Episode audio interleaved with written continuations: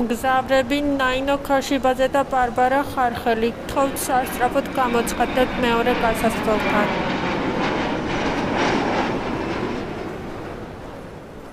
ვინ ვართ ჩვენ და რატომ შეიძლება დაგაინტერესოთ ჩვენმა ლაღბობამ?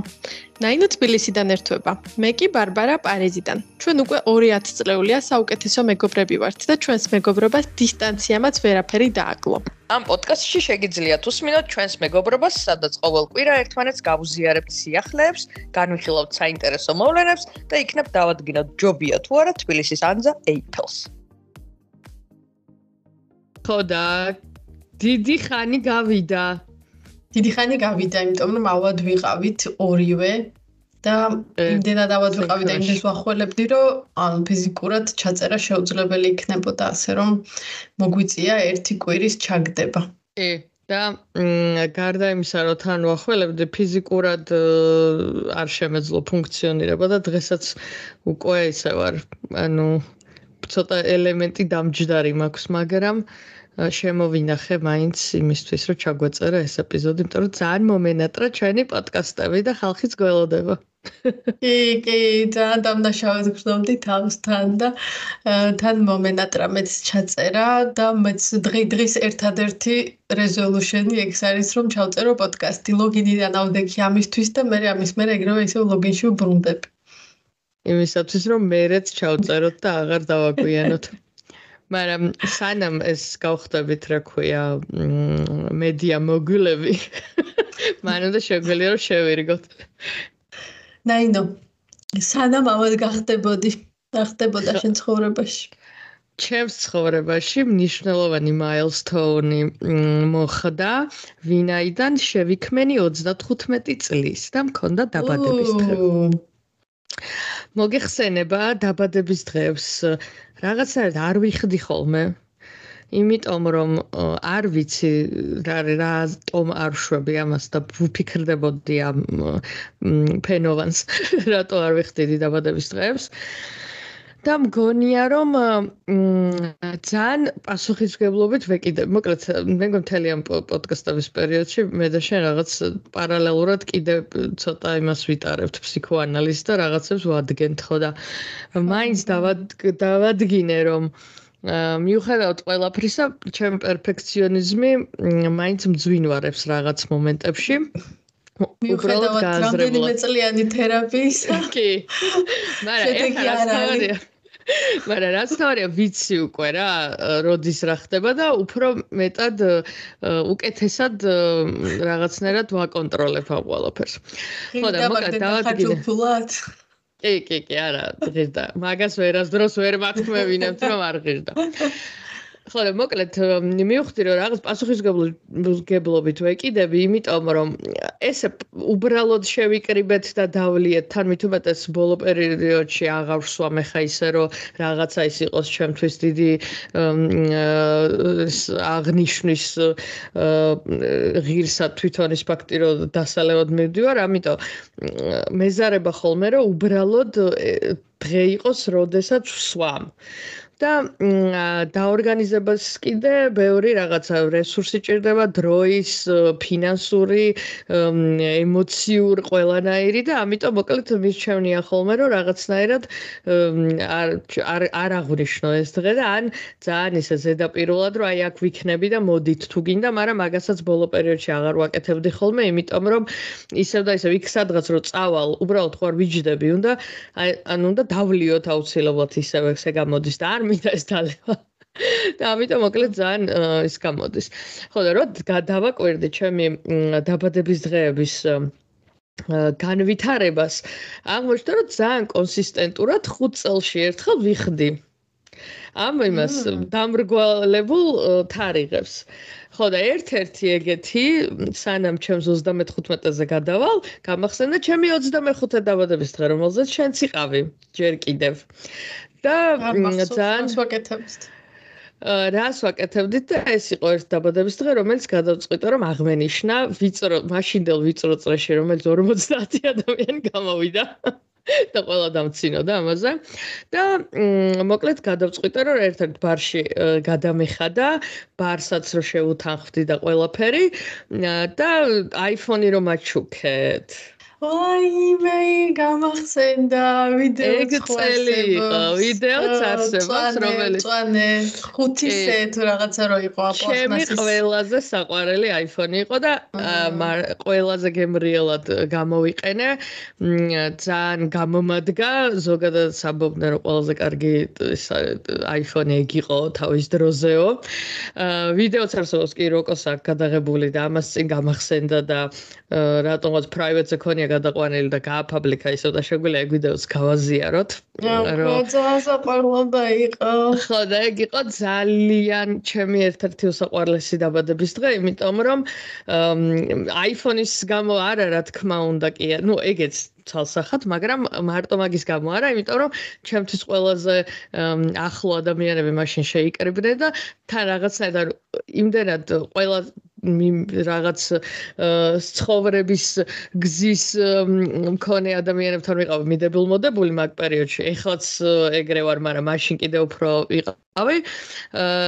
და ეს განსხვავებული ადამიანები, რომ რაღაცნაირად ერთად შეიკრიბეთ და ეს სიურპრიზი რომ გამიკეთეთ, ძალიან სენტიმენტალური საერთოდ არ მახსოვდა, ეხლა ეხლა გამახსენდა, იმიტომ რომ ჩემი ორგანიზებული იყო, ეხლა გამახსენდა რომ ჯგუფი გავაკეთე და ცოტა რო გვაკლდებოდა და აბა ცოტა ფულით და აბა ცოტა ფულით და ესე ნელ-ნელა ხან ვინ შემოვიყვანეთ, ხან ვინ შემოვიყვანეთ და ბოლოს ავაგროვეთ, იმიტომ რომ თან ყველანი გაჭირვებულები ვიყავით მაგასაკ. ე ყველა ღარიბი ახალ ახალ კარიერა აწყობილი ხალხი ვიყავით და მაშინ თან iPhone-ი ესეთი იყო.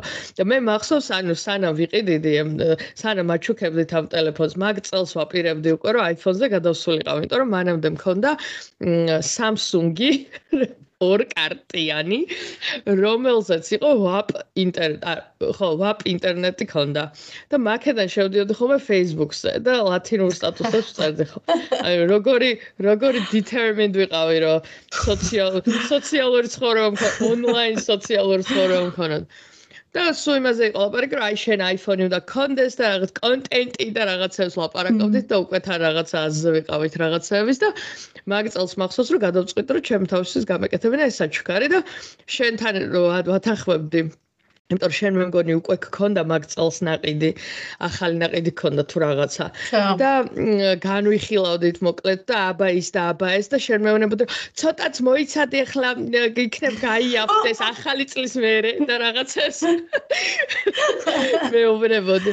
და მახსოვს ეგ, ეგ გრუპიც იყო, მე მეც დამამატეთ იმ გრუპში და მოკლედ ძალიან ო, ციტრის წინანდელი ამბავი გაიხსენე ხა რაღაც წინა ცხოვრებაში გადავედი უცბად გადავეშვი. ხო, და იმ დღეს მე ჩემი აი ხლადელ დაბადების დღის რაღაც საჩუქრების unpacking-ს ვაკეთებდი. უი, მე ჩაგიგდებ შენს. და იმიტომ რომ თხოვა ხალხმა იქ რა თქმა უნდა არავის მაგის თავი არ მქონდა და მეთქი ცალკე გავაკეთებ unpacking-ის ვიდეოს. და იქ ანუ ერთი ის მაცვია ზედა რომელიც მაგ წელს ვიყიდე ეგ iPhone-ი რომ მქონდა და ეგ iPhone-ი რომ აჩუქეთ. იმიტომ რომ მახსოვს ფერში უხდებოდა ერთმანეთს ამ წვანე დინოზავრი ახლა და იმ ვიდეოში მივხვდი რომ 10 წლის წინანდელი იყო ეს ზედა რომელიც სახში მოცია ხოლმე ძალიან მიყვარს. ხო მოკლედ ეგ დაბადების დღე გამახსენდა. მე რე გამახსენდა რომ 30 წელი აღნიშნე იმიტომ რომ გვალითარიღი რო იყო გადავწყვიტე რომ ეგეც აღმენიშნა. შენ უკვე აღარ იყავი მაშინ საქართველოში და გავაკეთე სახლური დაბადების დღე. გადავწყვიტე, რომ ალა 90-იანები დედაჩემა გააკეთა საჭმელები, ტორტით სახლში გამოვაცხვათ. ნუ მაგის ფოტოებიც მაქვს. ფირის ფოტოაპარატით გადავიღეთ ფოტოები და ძალიან ვიწრწრეში ვიყავით. რაღაცა თათა და თამთა იყვნენ. არჩილი იყო, შო იყო. და ლევანჩო იყო და ძალიან ცოტანი ვიყავით, იმიტომ რომ ყველა რაღაც ავად იყო, ვიღაცები ვერ მოვიდნენ და ისედაც ძალიან ცოტა ადამიანი მყავდა დაპატიჟებული, მაგრამ რაც თავარია თვითონ აღნიშნა შედგა და ძალიან ესეთი ის იყო, რა ქვია. ეგეც ძალიან კარგი მოგონება არის სახლური დაბადების დღეები კიდე ცალკე ეს იყო. აა და ეხლა მოკლედ წელს 20 უი ამ გახსენებაზე თათა თუ გვისმეს მაგ დაბადების დღეზე 30 წელზე რომ მაჩუქა იმის რა ქვია პალეტი ნიქსის ჯერ კიდე იმას ვიყენებ. ხუთი წელი გავიდა. ვადა არ არ გასდის მაგია? იცი რა, ვადა გასდის, მაგრამ ძალიან კაი პალეტია, ძალიან პრაქტიკული და ძალიან კარგად ვიყენებ და ჯერჯერობით რავი ალერგია და რაღაცები არ მოუწია, სანამ არ მომკლავს. მაგრამ და გამოვიყენებ. ხო და მოკლედ წელს 35 დაბადების დღეზე შარშან არაფერი არ გავაკეთე ისევ უბრალოდ სადღაც გავედი, მაგრამ წელს მთელი წელი მოკლედ თავს ვაგულიანებდი, რომ მეთქი ეს 35 თან თარიღიც ისეთია მრგვალი თქო და უნდა გადავიხადო თქო. თან ჩემი ბელარუს მეგობრებს ძალიან უყვართ ეს დაბადების დღების და რაღაცებს აღნიშნა და თვითონაც ძალიან მაგულიანებდი, რომ ერთი გვაგულავე შენ დაბადების დღეზე. და მოკლედ მთელი წელი ძალიან შემზადებული ვიყავ, რომ წელს დაბადების დღეს ვიხდი.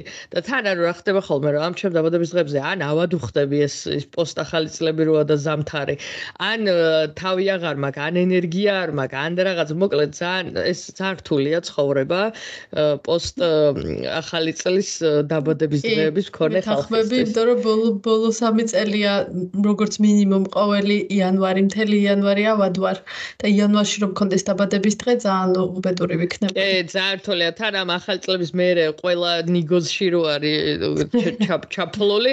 აი, ყველა ყველანაირ იმაში ფინანსურადაც რთულია, მენტალურადაც, ენერგიაზეც, ჯამთელო ყველა ფლანგზე. მაგრამ იმდენად შემოიმაშებოდი, რა ქვია, დავა NLP ჩემი თავი წელს დასაწყისიდან, რომ მეთქი დაბადების დღეს ვიხდი და ამიტომ მზადება დავიწყე ნოემბერში. ნოემბერში გავაკეთე სია, ეგეც ძალიან მიჭირდა ამ სიის გაკეთება. ნოემბერში გავაკეთე სია და დავაინვაითე ყველა ვისი ვინც ფიქრობდი რომ კარგად ჩაჯდებოდა და ახლო წრე არის ჩემთვის ამ მომენტში და ერთმანეთთანაც კარგად შეეძლოთ გართობა. მაგრამ ეს საკმარისი არ იყო, დაგეგმვის გარდა ასევე ძალიან დიდხანს ფიქრობდი ადგილზე, რომ სად უნდა გადამეხადა და როგორ უნდა ყოფილიყო და ასევე გასართო პროგრამაზე. აი, ამიტომ არ ვიხდი ამ დაბადების დღეს რა. ყველა ცალკე ივენთად ვაკეთებ. ალბათ 40-ის რო გავხდები, სააგენტოს უნდა და და იმას ხარ ქვია. კი, ეგ იყოს შენი 5 წლიანი რეზოლუშენი, რომ უკვე იმ დონეზე იყო, რომ ვიღაც ხოთმა დაგიგეგმონ დაბადების დღე. კი. და მოკლედ ისა რა ქვია აა გადავწყვიტე რომ გამეკეთებინა ასურეთში რომელიც არც ისე შორს არის თბილისიდან და დედაჩემი ამ იქ არის გადაცხოვრებული. თან მეთქი დედაჩემიც იცნობს ახლა ნახევარზე მე ჩემ მეგობრებს ვისაც ისე პირადად არიცნობს გადმოცემით იცნობს და იმათაც გაიცნობდა თან უკვე იმას აქში რო ხარ რომ არაფერი დასამალი აღარ გაქვს არაფერი ხუმრობები პრობლემა არ არის არც უწმაწური სიტყვები და საერთოდ ანუ გაცილებით უფრო თავისუფლად ხარ და ის რაღაც აუ დი გადი აქ ბავშვები ლაპარაკობთ აღარ არის და პირიქით ძალიან შვენივრად ინტეგრირდებიან ჩვენს გარემოში და ამიტომ მოკლედ ეგეც გამიხარდა ბიძა ჩემეც ჩამოვიდა ამ ღირსშესანიშნავი დღის აღსანიშნავად რომელიც ქუთაისში ცხოვრობს და ძალიან კარგი უნდა გამოსულიყო ესეთი შეიძლება ვქონდა რა ქვია მოლოდინები მოკლედ და გასართობი პროგრამაც დავგეგმე რომელშიც როგორც გახსოვს შენც ჩაგაინტეგრირე რომ დამხმარე. ხო, მაგრამ პასუხები არ მითხარი. მაინტერესებს ტრივიები და პასუხები. ხო, ყველაფერს მოგახსენებ. აა მეც ტრივებთან ის შევსებული ფორცლებით შენახული მაქვს. ხო, მოკლედ იმისათვის რომ ეს ანუ ჩემი სამეგობრო წრე კი არ და ასე თუ ის ერთმანეთს ყველა იცნობდა, მაგრამ ისე ახლოს არა და მაინც ბევრი გადაკვეთა არ ქონდათ და ვინაიდან მე ვიყავი იმის ეპიცენტრში ამ ღონისძიების გადავწყვიტე რომ გამეკეთებინა გასართობი შოუ პროგრამა, შოუ პროგრამა არა, გასართობი პროგრამა, არა შოუ რომელიც იქნება და ჩემს ირგვლივ. თან რაღაც მანამდე კიდევ ლაპარაკობდით დოდიმაც ხახსენა რაღაც ვიღაცის ძალიან კარგი დაბადების დღე ქონდა ვიღაცა სტენდაპებს ბიგაკეთა და თვითონ სტენდაპებს აკეთებდა მაგდენის რესურსი არ მქონდა, მაგრამ მეც მივხვდი რომ რაღაც ჩემს ირგვლივ და გართობის ელემენტი უნდა ყოფილიყო. მე რა იმაზე ვფიქრობდით რომ ჩემი როუსტი ხო არ გაგვიკეთებინა. და ეგეც ფანი ხნებოდა. თუმცა მოკლედ მე მგონი კარგი ვარიანტი გაავარჩიე. სამი ის მქონდა აქტივობა. ერთი იყო ტრივია, რომელშიც გავაკეთე 10 კითხვა. გუნდებად უნდა დაყოფილიყვნენ და ვინაიდან სამ მაგიდად ვიყავით, ესე სამი მაგიდა იყო გუნდებად. და კითხვები იყო, რომლებიც როგორი კითხვები იყო, ხა მოვიტან რამდენიმე. ან ისე პირადად მახსოვს. კითხვები იყო ისეთი, რომ ანუ ფაქტუალური არ იყო, ფაქტუალური არსებობს ქართულად ეგ სიტყვა, მოკლედ ფაქტებზე დაყრდნობილი არ იყო. სამსჯელოც იყო რა, ანუ მაგალითად ერთი კითხვა იყო, რომ უკაცრიელ კუნძულზე რას წავიღებდი სამ ნივთს? ან მილიონ დოლარს რას უზამდა ნაინო და ეგეთ იმაზე და ემშელად დაეწეროთ პასუხები და ძალიან სასაცილო რაღაცები გამოდგა იქ რაღაც ბებია ჩემების სახელები. და მან ტრიქის იყო რომ სამი ბები ამყავდა და არა ორი. და თელი ამბები და დედა ჩემიც ჩართული იყო მოკლედ თელ ამბებში და რაღაცებს მეკითხება, რომელი იყო პირველი სამსახური და რომელი იყო შენი პირველი სამსახური და მეთქი როგორ არ გახსოვს. პირველი სამსახური ძალიან ტრიკი არის, იმან გააჩნია სტატიებებს და იმასაც თული ფლაიერების და ხო და აი ვის სხვადასხვანაირი პასუხები ქონდა და ამიტომ ვინ რას ვის რა გაახსენდებოდა. და მოკლედ ის იყო რა ქვია ტრივია ძალიან ფანი იყო. ბევრი სასაცილო პასუხებიც იყო. და იქ მე განხეთქილებებიც მოხდა გუნდებში და ერთმანეთს არ ეთანხმებოდნენ და გამოიყურნენ და ცალკე გუნდები ჩამოაღალიბეს. მოკლედ სერიოზული ძალიან კომპეტიტივ საზოგადოება იყო შეკრებილი რა და ძალიან გავერთეთ მაგ იმითი. მე კიდე ერთი აქტივობა. ხო, პრიზებს რაც შეღო, პრიზებიც მქონდა, ხო, ახლა გარდა იმისა, რომ მოკლედ იმონაწილეობდნენ ამ ყველაფერში, რაღაცა ისეთი ინცენტივი ხო უნდა გქონოდათ. და პრიზებიც იყო, რომელიც შენც გაჩვენე მე მგონი, ხო? სტიკერები? აა მაგნიტები. აა მოკლედ, кай ხაზო არჩევდი ფოტოებს და გადაწყვიტა რომ მაცივრის მაგნიტები გამეკეთები და ჩემ ფოტოებით. რომელიც ხოთშეს ძალიან პოპულარული იყო და სტიკერების დამჩა იმის მაგნიტების რაც მაგნიტებს არ იყო.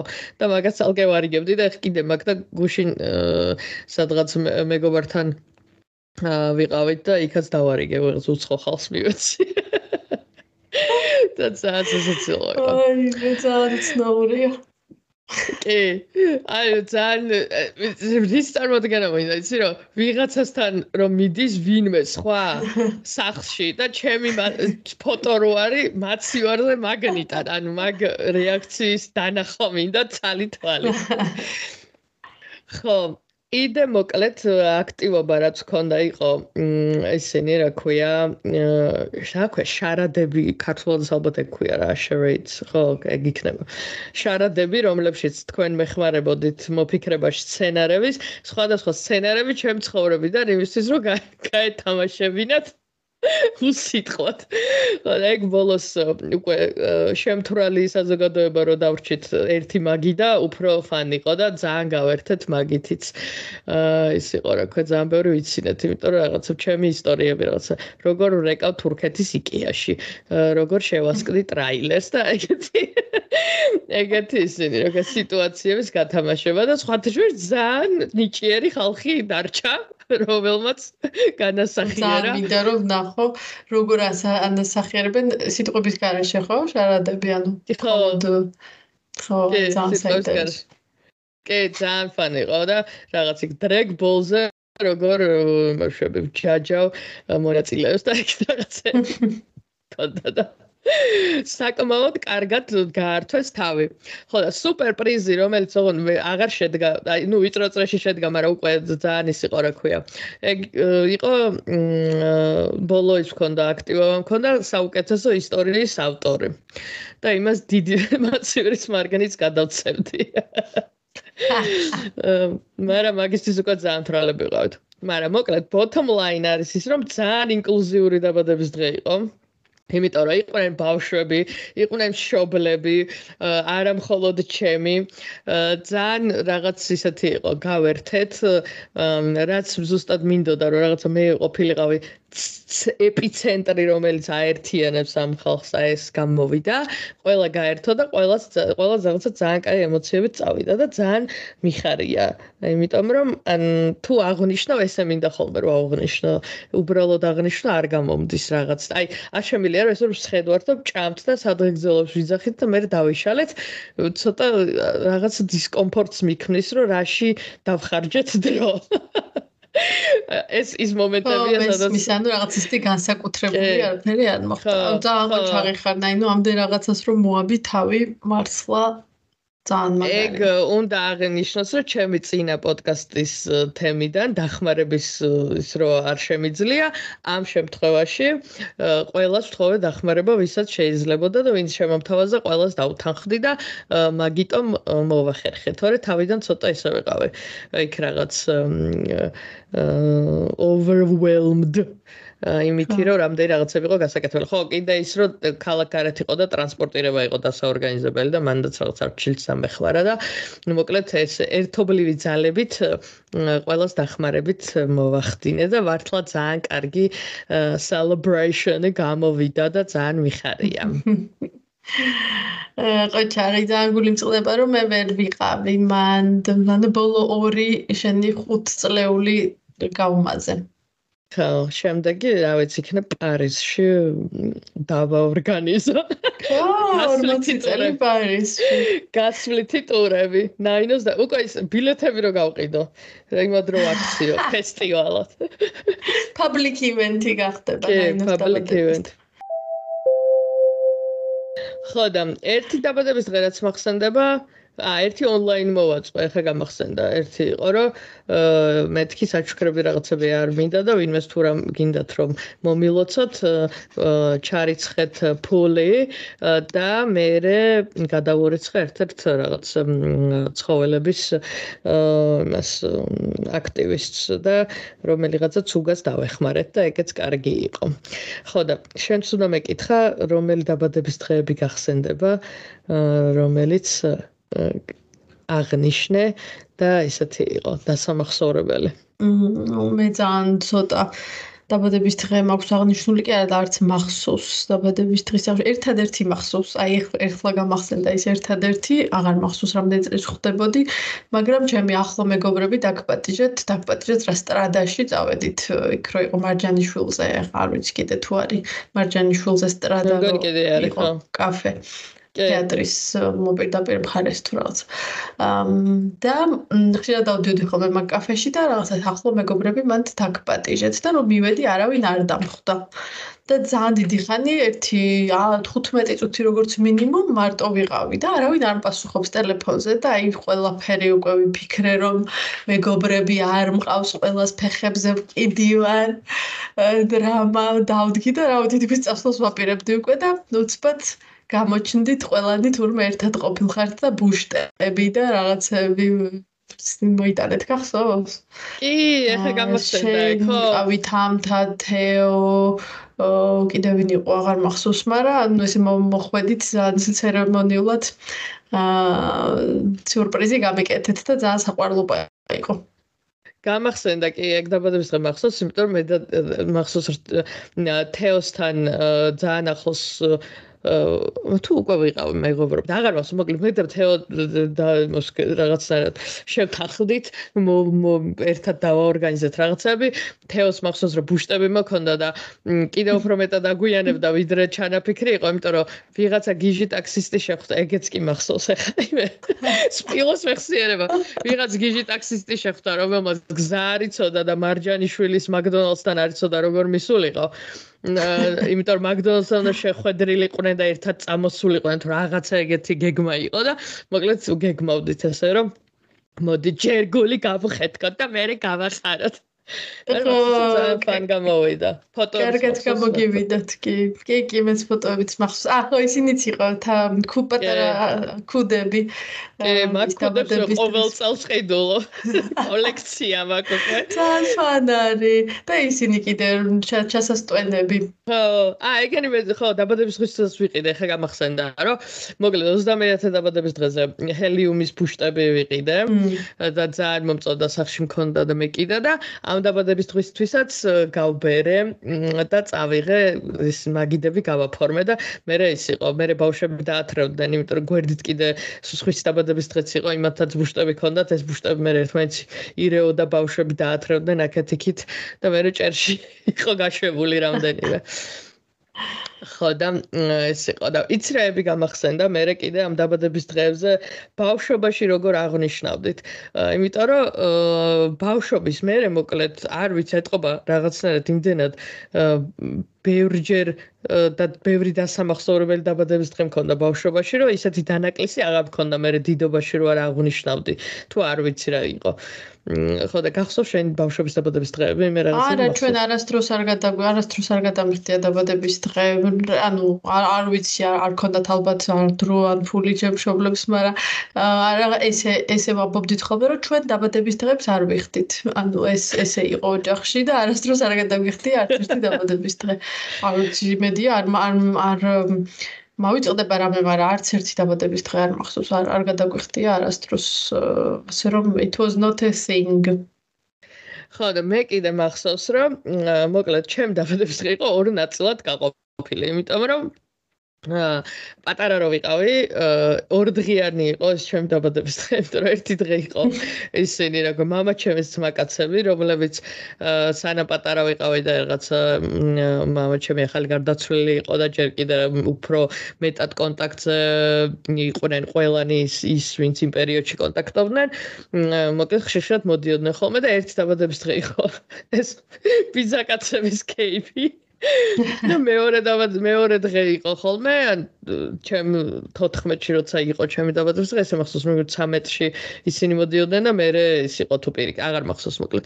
და მე იყო ხოლმე ბავშვების დაბადების დღე და მაგ პერიოდში მახსოვს, რომ ეხ სკოლაში და რაღაც არ დავდიოდი, ძალიან პატარა ვიყავი, მაგრამ ეზოს ბავშვები იკრიბებოდნენ და ძალიან სხვადასხვა ასაკის და იმიტომ რომ ზოგადად მოკლედ ჩვენი ეზო ძალიან მეგობრული იყო და ყველა ერთმანეთს იცნობდა და ყველა ერთმანეთს თანამშრომელი და მეგობარი და ის იყო და ბავშვებიც სხვადასხვა ასაკის იყვნენ და ყველა ერთმანეთთან მოკლედ კონტაქტობდა და ერთ-ერთი დაბადების დღე იყო. ძალიან დიდი დაბადების დღე გადამიხადა დედაჩემმა და მაშინ მეოთხე სართულზეც სახლი რაც გვაქვს ისეთივე გქონდა პირველ სართულზე. და იყო ეს გაყოფილი რომ პირველ სართულზე იყო საჭმლის კეთება. აი რანაირად ახერხებდა არ ვიცი. პირველ სართულზე იყო საჭმლის კეთება მეოთხეზე გართობა თუ რაღაცა ეგეთი და მახსოვს რომ ესე თეფშებით ჩამოდიოდნენ ბავშვები და მაშინ ჰამბურგერები და რაღაცები ჯერ არ იყო ესე მაკდონალდსიც არ ქონდა და ჰამბურგერები გააკეთა მახსოვს გამო მოაცხო ის ფუნთუშები, მთელი ყველაფერი და ესე რიქში იდგა მთელი ეზო ამ ჰამბურგერების. ნაული არასაყვარელია. ზან. ხო, ეხა ეგ რომ ახსენდება, ანუ მაგხელა რაღაცის დაორგანიზება, არ ვიცი, მე რაღაცა ორი კინკილა ადამიანის ძლივ შევკრიბა.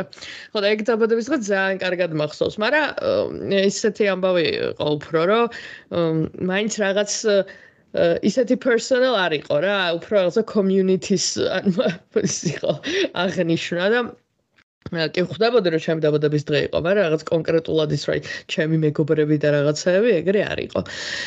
ხო და მე მე რა ხდებოდა? მე მე აღარ მახსოვს. ეგ ყველაზე ისეთი იყო რა, ბავშვობაში ხშირად ვიხდიდით და აქტიურად და მე ალბათ ხო ეს ზედმეტად კერასინკების პერიოდი რო იყო, არავის არ დაბადების დღეებოდა. თან ზამთარში, ანუ ძართული არის, ზამთრის დაბადების დღე ყველაზე რთულია. ე ძალიან მე მე სექტემბერში ვარ დაბადებული წესთ უფრო ანუ კარგ პერიოდში 25 სექტემბერს ჯერ კიდევ მაინც თბილა და რაღაც კაი ვარხატანი სეზონია. მაგრამ ხო რაღაცა არ ეგ ეგ ხალისიანობა არ მახსოვს არ მქონდა ჩვენ ოჯახში. ხო ძალიან იმიტომ რომ თინას კონდეს და მას დაამახსოვრდეს ხოლმე დაბადების დღეები, ჯერ ძალიან ძალიან პატარა იყო, სულ ორი დაბადების დღე ქონდა. აქედან პირველი ძალიან პატარა იყო პარკში წავედით და ორ ხეს შორის გავაბი happy birthday და რაღაცა ბუშტები და რაღაცები გავაკეთე და პატარა პიკნიკი მოვაწყეთ პარკში და თავისი ან სხვა ბაღის მეგობრები და რაღაცები დავპატიჟეთ და ეხლა 2 წლის რო გახდა ბაღში ბაღში აღნიშნავენ ხოლმე ხა ერთად მაინც ბაღშია იქ პატარა ტორტუკა ანუ სანთლის ჩაქრობა იცის უკვე კარგად და სახშიც პატარა დამცხრუკა გავუკეთე და საჩუქრები პირველად წელს გავახსნებინე ხო ძინა წელს ძალიან პატარა იყო ხო და აი უკვე 3 წლის რო გახდება მგონია რომ ეხლა უკვე ბევრად კარგად გაიგებს და მინდა რომ ცოტა უფრო საინტერესო რაღაც გავუკეთო, რაღაცადმე წავიდეთ და რაღაც პატარა ცენტრი ან რაღაც რესტორანში სპეციალური ანიმაციები სადაც არის, ეგეთ რაღაც გაკეთება მინდა. ხო და ეგ ისე უნდა მეკითხა, იმიტომ რომ ეხა გამახსენდა რომ ამას წინ ბუბას დაბადების დღე რო იყო, აი მასში რა ქვია, ლევიოსში გადაუხადა თამ-თამ და ის ყავდა ანიმატორები ყავდა, რომელიც ძალიან ხმამაღლა არის ხოლმე რა, ეს ყველაფერი მუსიკა და რაღაცაები. და იქ იყვნენ თამთას მეგობარი, რომელიც გერმანიაში ცხოვრობს და ის ბავშვები, ან ნახევრად გერმანელები არიან და ძალიან დაისტრესდნენ ამ მუსიკით, იმიტომ რომ საერთოდ არ იყვნენ მიჩვეული, მაგ ძალიან აურზაურს და ქართულ რეალობაში ეს გასართობის ცენტრებში ძალიან ხმამაღლაა ხოლმე მუსიკა.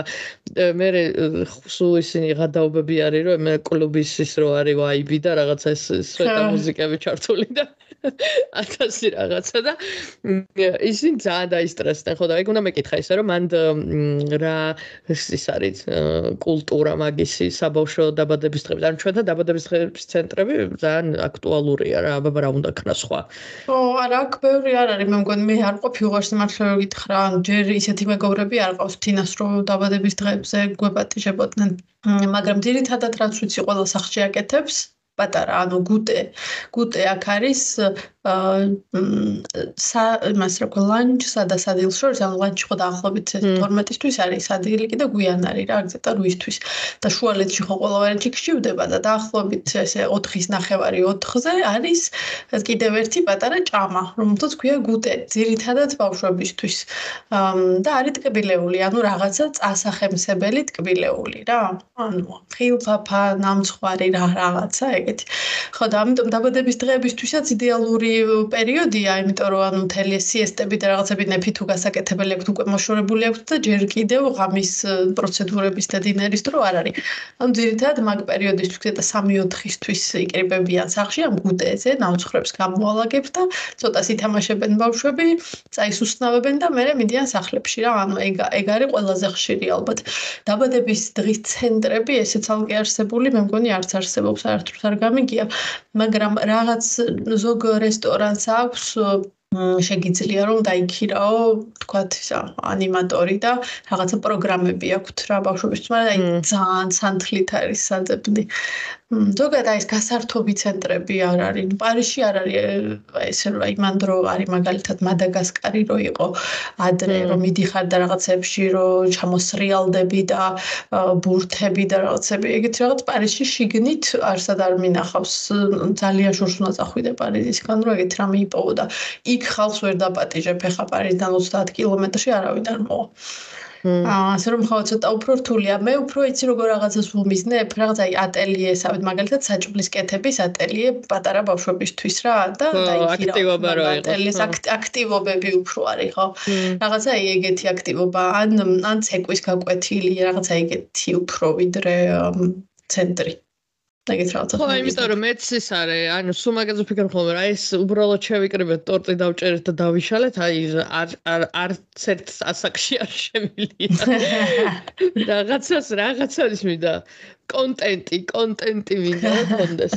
ხო ეს ისა ჩვენთან ხო გასართობი ცენტრები ძალიან ძალიან აქტუალურია და მაგიტო ეს იყო და და მაგაზე იყო პარკი მე გარეთ ისხდნენ ეს ტრამირებული ბავშვები საცილოდ კი იყო შემეწოდნენ მაგრამ საცილო იყო რომ აი შოკირებული ეგეთი რა ეგეთი რა ხმაური იყო ეხ ძალიან მანუ თინამ დარწმუნებული ვარ რომ ძალიან გაუსწორდებოდა ამ დრო ევასება გონია რომ მოსწოს ეს ხმამაღალი მუსიკა და ქაოსი და აქტიურობა ეგეთი რა იყო ახლა ვფიქრობ რომ ვერ ვერ გაუძლეს ბავშვებმა თქვა ანუ ბავშვებისთვის ხო ძალიან ექსაიტინგი ხო ნუ ალბათ ბავშვებზეც არის დამოკიდებული მაგრამ თან ის იყო ქართულიც მაგრამ არა ქართული მე მგონი იციან. ხო და მე ის გამახსენდა მე ჩვენ დროს რო ის იყო აა მაკდონალდსის დაბადების დღეები რო შემოვიდა მოდაში ხო, მე არასდროს არ ვყოფილ ვარ, იმიტომ რომ როგორც კი მოგეხსენებათ, არც გადაგვიხდია და არც რატოღაც ხვებიც არ მეპატიჟებოდნენ ალბათ. თუ არ მყავდა მეგობრები, არ ვიცი. მაგრამ გამიგია, გამიგია რომ ორი მოში დაპატიჟება ძვირი იყო ალბათ. არ ან ძვირი ხო, მე მგონი, მე მგონია რომ შეიძლება ჩვენს სანაცნობოში არ იყვნენ ეგეთი შეძლებული ხალხი, ვით მაკდონალდში გადაიხდი და დაბადების დღეს, მაგრამ ესე მითად მესმოდა ხოლმე, რომ ძალიან მაგარი რაღაცა იყო მაკდონალდში. ხო და მეც მახსოვს რომ მოკლედ მე მყავდა რამდენიმე ეგეთი ბავშვობის მეგობარი, ვისაც შეეძლო მაგის ეფორდინგი და მეც იმ ახლო წრეში ვიყავი, ვისაც პატიჟებდნენ და აი ძალიან მოკლედ ჰეპი მილი და მთელი ამ იმიტომ რომ აი მაკდონალდში სიარული ეს იყო. ხო და ნამყოფიც რო იყავი, ეგეც რო რაღაცა მიღწევა იყო, ეს რა რა აი რა საშინელება არის. თან ის მაკდონალდსის იყო რომ რაღაცა ნაყინის ტორტი ქონდათ და ეგ იყო ძალიან პოპულარული და მაგაზე იყო, აი ნაყინის ტორტი და ხო ერთ ორეები გამოვიარეთ კიდე. აი, ნუ ეხა ხვდები რომ ძალიან პრივილეგირებული იყავი ჩემთან შედარებით ბავშვობაში. ბარბის ბარბის სახლიც ქონდა ნანახი. მაკდონალდსის დაბადების დღეებზეც ხო ყოფილ ხარ. ნამყოფი სახში გიხდიდნენ დაბადების დღეს ღმერთო ჩემო ძალიან შემეწოდა ჩემი თავი. ეს საბურთალოზე ცხოვრე პრივილეგიები. დიდხანს არ გასტანა სამწუხაროდ ამიტომ არა უშ მე მგონია მე დავისვიჩეთ მე შენ როცა წამოიწიე იმაში რა ქვია კლას კლასში მან მან ჩვენ დაგვენძრა. ოჯახი ცხოვრება კიბეა ზოგი ზემოთ ადის ზოგი ქვემოთ ჩადი ხო და აი სადღაც გზაში და გადავი გადავიკვეთეთ. ხო და ხო ის ირგული მყავდა ესეთ პრივილეგირებული საზოგადოება და მაგიტომ მქონდა ეს საშუალებები მაგრამ ხედავ როგორ არ გავფუჭდი პეპსიც ხომ გდალეული მქონდა სამი წლის რო ვიყავი ვაა პროფილის პროფილის ფოტოზე მაქვს ერთი ფოტო, სადაც ჩემს აყარელ ფოტო არის, მე და ბებია ჩემი ვართ ვიღაცასთან სტუმრად და პეპსი და სიმ იმაზე და ეგ ფოტო რო დავაყენე. მახსოვს რომ აი ძალიან დიდი რომ პეპსი ამ 92 წელია თროზე და პეპსი ნანახიც არ ქონდა და რაღაცას ძალიან სასაცილო იყო მაგაზე რო ლაპარაკობდით. ხო და მოკლედ ბავშვების დაბადების დღეებიც ძალიან ესეთია. ნოსტალგიური იყო და მადლობა დედა ჩემს რომ ეგ მოგონებები მქონია და მაგიტო ეთყობა ნაკლებად გული მწყდება ეხა თუ არ გადავიხადე რამე კონკრეტული დაბადების დღე. მეც მეც ნაკლებად წყდება გული, იმიტომ რომ არასდროს არ გადამიხდია და შესაბამისად არაფერთან შესაძლებელი არ არის. ასე რომ ყველა win-win სიტუაციაში ვართ. ძალიან პრაქტიკული გადაწყვეტილება. ხო ამ დაბადების დღეების ფონზე დავიწყე კიდე რაღაცების ესა მოძებნა სხვაგან როგორ აღნიშნავენ და რამე ფრანგული ესეთი ტრადიციები არის რაც მოხვედრია ყურში არა ჩაულებრივი ტორტი და ისა happy birthday სიმღერა და ჩაქრობა იმის. არაფერი განსაკუთრებული არ არის აქ. მაგრამ მეც მეც მოვსერჩე რაღაცები მეთქი ანუ რაღაც ქვეყნებში იქნება განსხვავებული რაღაცები ხო და ყველაზე საინტერესო რაც მომხდა თვალში არის რომ თურმე ესპანეთში შენ დაბადების დღეზე ყური უნდა ჩამოგიწიონ ჩამოგიწიონ თვალგიწიონ ჩამოგკაჩონ იმდენჯერ რამდენი წელსაც გახდი ანუ 35 ჯერ ჩამოგკაჩავდა ვიღაცა და აქედან ბოლო ანუ 35 ძალიან ძლიერი უნდა ყოფილიყო.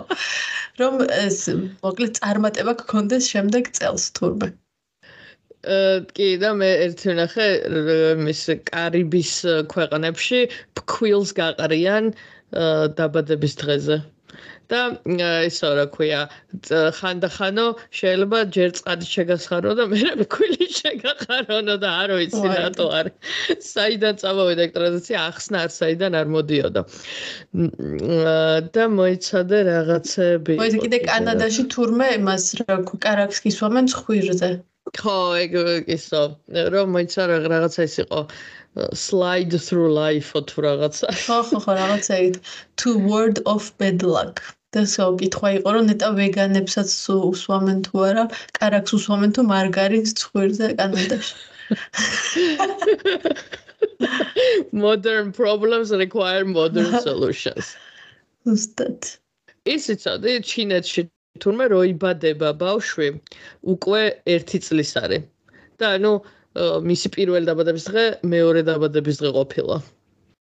ეგეც მაგ აუ ეს რა ეგ რაღაცები ძალიან ტვინს მირებს რა საფრანგეთში როგორც სართულები არის ანუ აკაურის პირველი სართული რო ნულია და ანუ ახლა მე რომ მესამე სართულზე ვცხოვრობ აკაური სინამდვილეში ქართული მეოთხე სართულია და წლები მაგაზე იმას ვაკეთებდი კალკულაციების კეთება მიწევდა თუ კი მე ძალიან ტვინი მერევა და რაღაც ეს იყო რა ქვია ამ დაბადების დღეების თემაზე და მე ან ტვინი ამერია მარტო ის დამამახსოვრდა რომ რო იბადება უკვე 1 წლის არის და მე ანუ პირველ დაბადების დღე მეორე დაბადების დღეა. და მე კიდე რაღაცა ის იყო რა ქვია ათვლები და საერთოდ ამერია ყველანაირი ესა. ისე საქართველოსში პირველ დაბადების დღეს რო არიხდიდნენ ხოლმე გახსოვს ეგ ესე მახსოვს რომ ერთი წლის თავის ახლა ის არ შეიძლება და ცუდი მომტანი ხო რაღაც ხო ცუდი ის იყო რა ქვია აა რა ქვია bad luck იყო ეგ და მაგრამ ეხლა ისე ლაითად აღნიშნავენ მე მგონი ძალიან დიდად მაინც არ აღნიშნავენ მაგრამ აღნიშნავენ ხოლმე ალბათ ძალიან ძველი დროიდან მოდის ეგ როცა ბავშვები ავადმყოფობდნენ და შეიძლებოდა რაღაცა ვერე ცოცხლა და რაღაცა ალბათ ეგეთი ცრურწმენების ანუ უფრო პრაქტიკული გადაწყვეტილების ის არის. ანუ ფიქრობდნენ რა, აი ახლა მაინც შეიძლება მოკვდეს და რაღაც. ფული რაღაცა დავხარჯოთ. რაღა დავხარჯოთ. ხო, მე ვნახე მოკლედ საინტერესო ინფორმეიშენები იმასთან დაკავშირებით, როგორ მოვედით თანამედროვე დაბადების დღის აღნიშვნამდე. და პირველი ესე იგი ყოფილა რომ ძველ ეგვიპტეში ფარაონების ასაყდრებს რა ქვია მაგ coronation როცა ის იყვნენ რა ქვია ტახტზე როცა ადიოდნენ მაგ თარიღებს აღნიშნავდნენ. აა ანუ ჩვენ წელთაღრიცხვამდე 3000 წლით ადრე მოკლედ ეგ იყო დაბადების დღის აღნიშვნა მაგიტო ალბათ მაგიტო რა, მაგრამ ზოგ ქვეყანაში დაბადების დღეს არ აღნიშნავენ და name days აღნიშნავენ, ანუ რაღაც ის რა ქვია მაგას სახელის სახელის დღე. რაღაც ნინოობას და რაღაცებს აღნიშნავენ ალბათ დაბადების დღეების ნაცვლად. მე მე მოკლედ ბერძნებმაც ძველმა ბერძნებმა გადა გადააკოპირეს, მოკლედ, გადაიწერეს ეგვიპტელებსგან ეს. და მანდაც ჰქონდათ იგივე ისა, ოღონდ მოიცა რას აღნიშნავდნენ. აა, იმის თვარის ფორმის იმებს ნამცხრებს აკეთებდნენო. და არტემისის სილამაზის და მთვარის სიკაშკაშის აღსანიშნავად იყო. მოკლედ ეგეც უფრო ესეთი საერთო დაბადების დღე იყო, რაღაც ერთი კონკრეტული ფიგურის ირგვლივ და არა ისა. ხო და ეს კონკრეტულად თითო ადამიანის დაბადების დღის აღნიშვნა დაიწყო რა თქმა უნდა ისევ რომაელებისგან და მათგან დაიწყო რომ არარელიგიური ადამიანების დაბადების დღების აღნიშვნა დაიწყესო. მაგრამ და მანდ იყო ის ძალიან საინტერესო ფაქტი რომ აა მაგრამ მან მე-12 საუკუნემდე მარტო კაცების დაბადების დღებს აღნიშნავდნენ იმიტომ რომ მანამდე ქალების დაბადების დღე არ ქონდათ მე-12 საუკუნემდე ქალების დაბადების დღე არ ქონდათ Oh. და მე მოკლედ მე-18 საუკუნიდან გერმანიაში დაიწყო უფრო ეს ფართო მასშტაბიანი დაბადების დღების აღნიშვნა, რომელიც ეხლა რა ფორმითაც გვაქვს, მაგრამ რა თქმა უნდა, ყოველას არ შეეძლო იმის ფუფუნება არ ქონდათ, რომ ეს ტკბილი ნამცხვარი გაეკეთებინათ და აღენიშნათ და ამიტომ მარტო ძალიან საბურთალოელებისთვის იყო მარტო ეს დაბადების დღეები. მე რო ინდუსტრიული რევოლუცია რო მოვიდაო, მე უკვე ყველა შეეძლო რომ აღენიშნა თავისი დაბადების დღე და ყველაფერი თანამედროვეობას დაემსგავსა ეს განვითარება და პროგრესი ყველაფერს მოკლედ წინ რო წევს და ეხმარება ადამიანებს რომ ისეთ რაღაცები აკეთონ რაც კონსუმერიზმი გააკეთონ კი მეტი კონსუმერიზმი გააკეთონ ხო მაგისტრის არის ხო და მანამდე ხო ხო და ხო უეჭველი ეგ ის იყო რა ქვე მე ინდუსტრიული რევოლუციის მერე ეგრევე კაპიტალისტებმა გადაწყვეტეს რომ უი რა კარგია რაც უფრო რამდენი ადამიანს აიდნენ დაბადების დღეა და ხო შეგვიძლია რომ მეტი ფული გავაკეთოთ მოდი მოვიფიქროთ რაღაცა თან ის იყო რა ქრისტიანები თურმე თავიდან იძახდნენ რომ ეგო ის არისო რა ქვია კერპთაყვანისმცემლური რიტუალი არისო დაბადების დღეების აღნიშნავ და არ გვინდაო. თავიდან მოკლედ უარზე იყო მაგრამ ეთყობა მე რაღაცა ფული იშოვას ამ რა ქვია. ქრისტიანულმა ეკლესიამ და პირველი რამდენიმე აწლეული არ აღნიშნავდნენო და მე დაიწყეს აღნიშნავ მას შემდეგო რაც იესო დაიბადა და მის დაბადების დღეს აღნიშნავდნენო თორემ მანამდე სანამ იესო დაიბადებოდა. ფიქრობ ის იყო რა ქვია. ეგეც თან გვიან დაიწყო რომ მეოთხე საუკუნეში დაიწყო იესოს დაბადების მერე. ოკეი მე ხა წავიკითხე რომ თურმე ვიეტნამში არ აღნიშნავენ დაბადების დღეებს საერთოდ ანუ ეს ინდივიდუალურს ყველა ერთად აღნიშნავს ვიეტნამურ ახალ წელს როგორც დაბადების დღეს რა პრაქტიკული არა კარგი დავამშვიდობთ ჩვენს მსმენელებს. მადლობა რომ გვისმინეთ, გამოგვიწერეთ, მმ გაგვაზიარეთ, იმიტომ რომ მიეცით საშუალება სხვებსაც გამარტივონ საცოფში ყოფა და შემდეგ კვირას დაგიბრუნდებით. კარგად. მადლობა და დავამატებ მოკითხვებს. იმიტომ რომ რამდენიმე ადამიანი შეგვეხმიანა სანამ სანამ ვიყავით პაუზა სანამ მქონდა რევაზმა მოგვიკითხა და ძალიან ვიცინეო იმ ისტორიაზეო, ტაიპოს ისტორიაზეო და ძალიან მიხარია რომ ვიღაცას მაინც გაახალისა ჩემმა კარიერულმა ფეილებმა. კიდე მოგვიკითხა ვინ მოგვიკითხა ირინემ ირინემ მოგვიკითხა რომელმაც თქვა რომ ძალიან გიგავს შენ და დოდის ხმები. ხო, მე თვითონაც მიჭირს ხოლმე ჩვენი ხმის გარჩევა. მოკითხვა გიორგის. всё.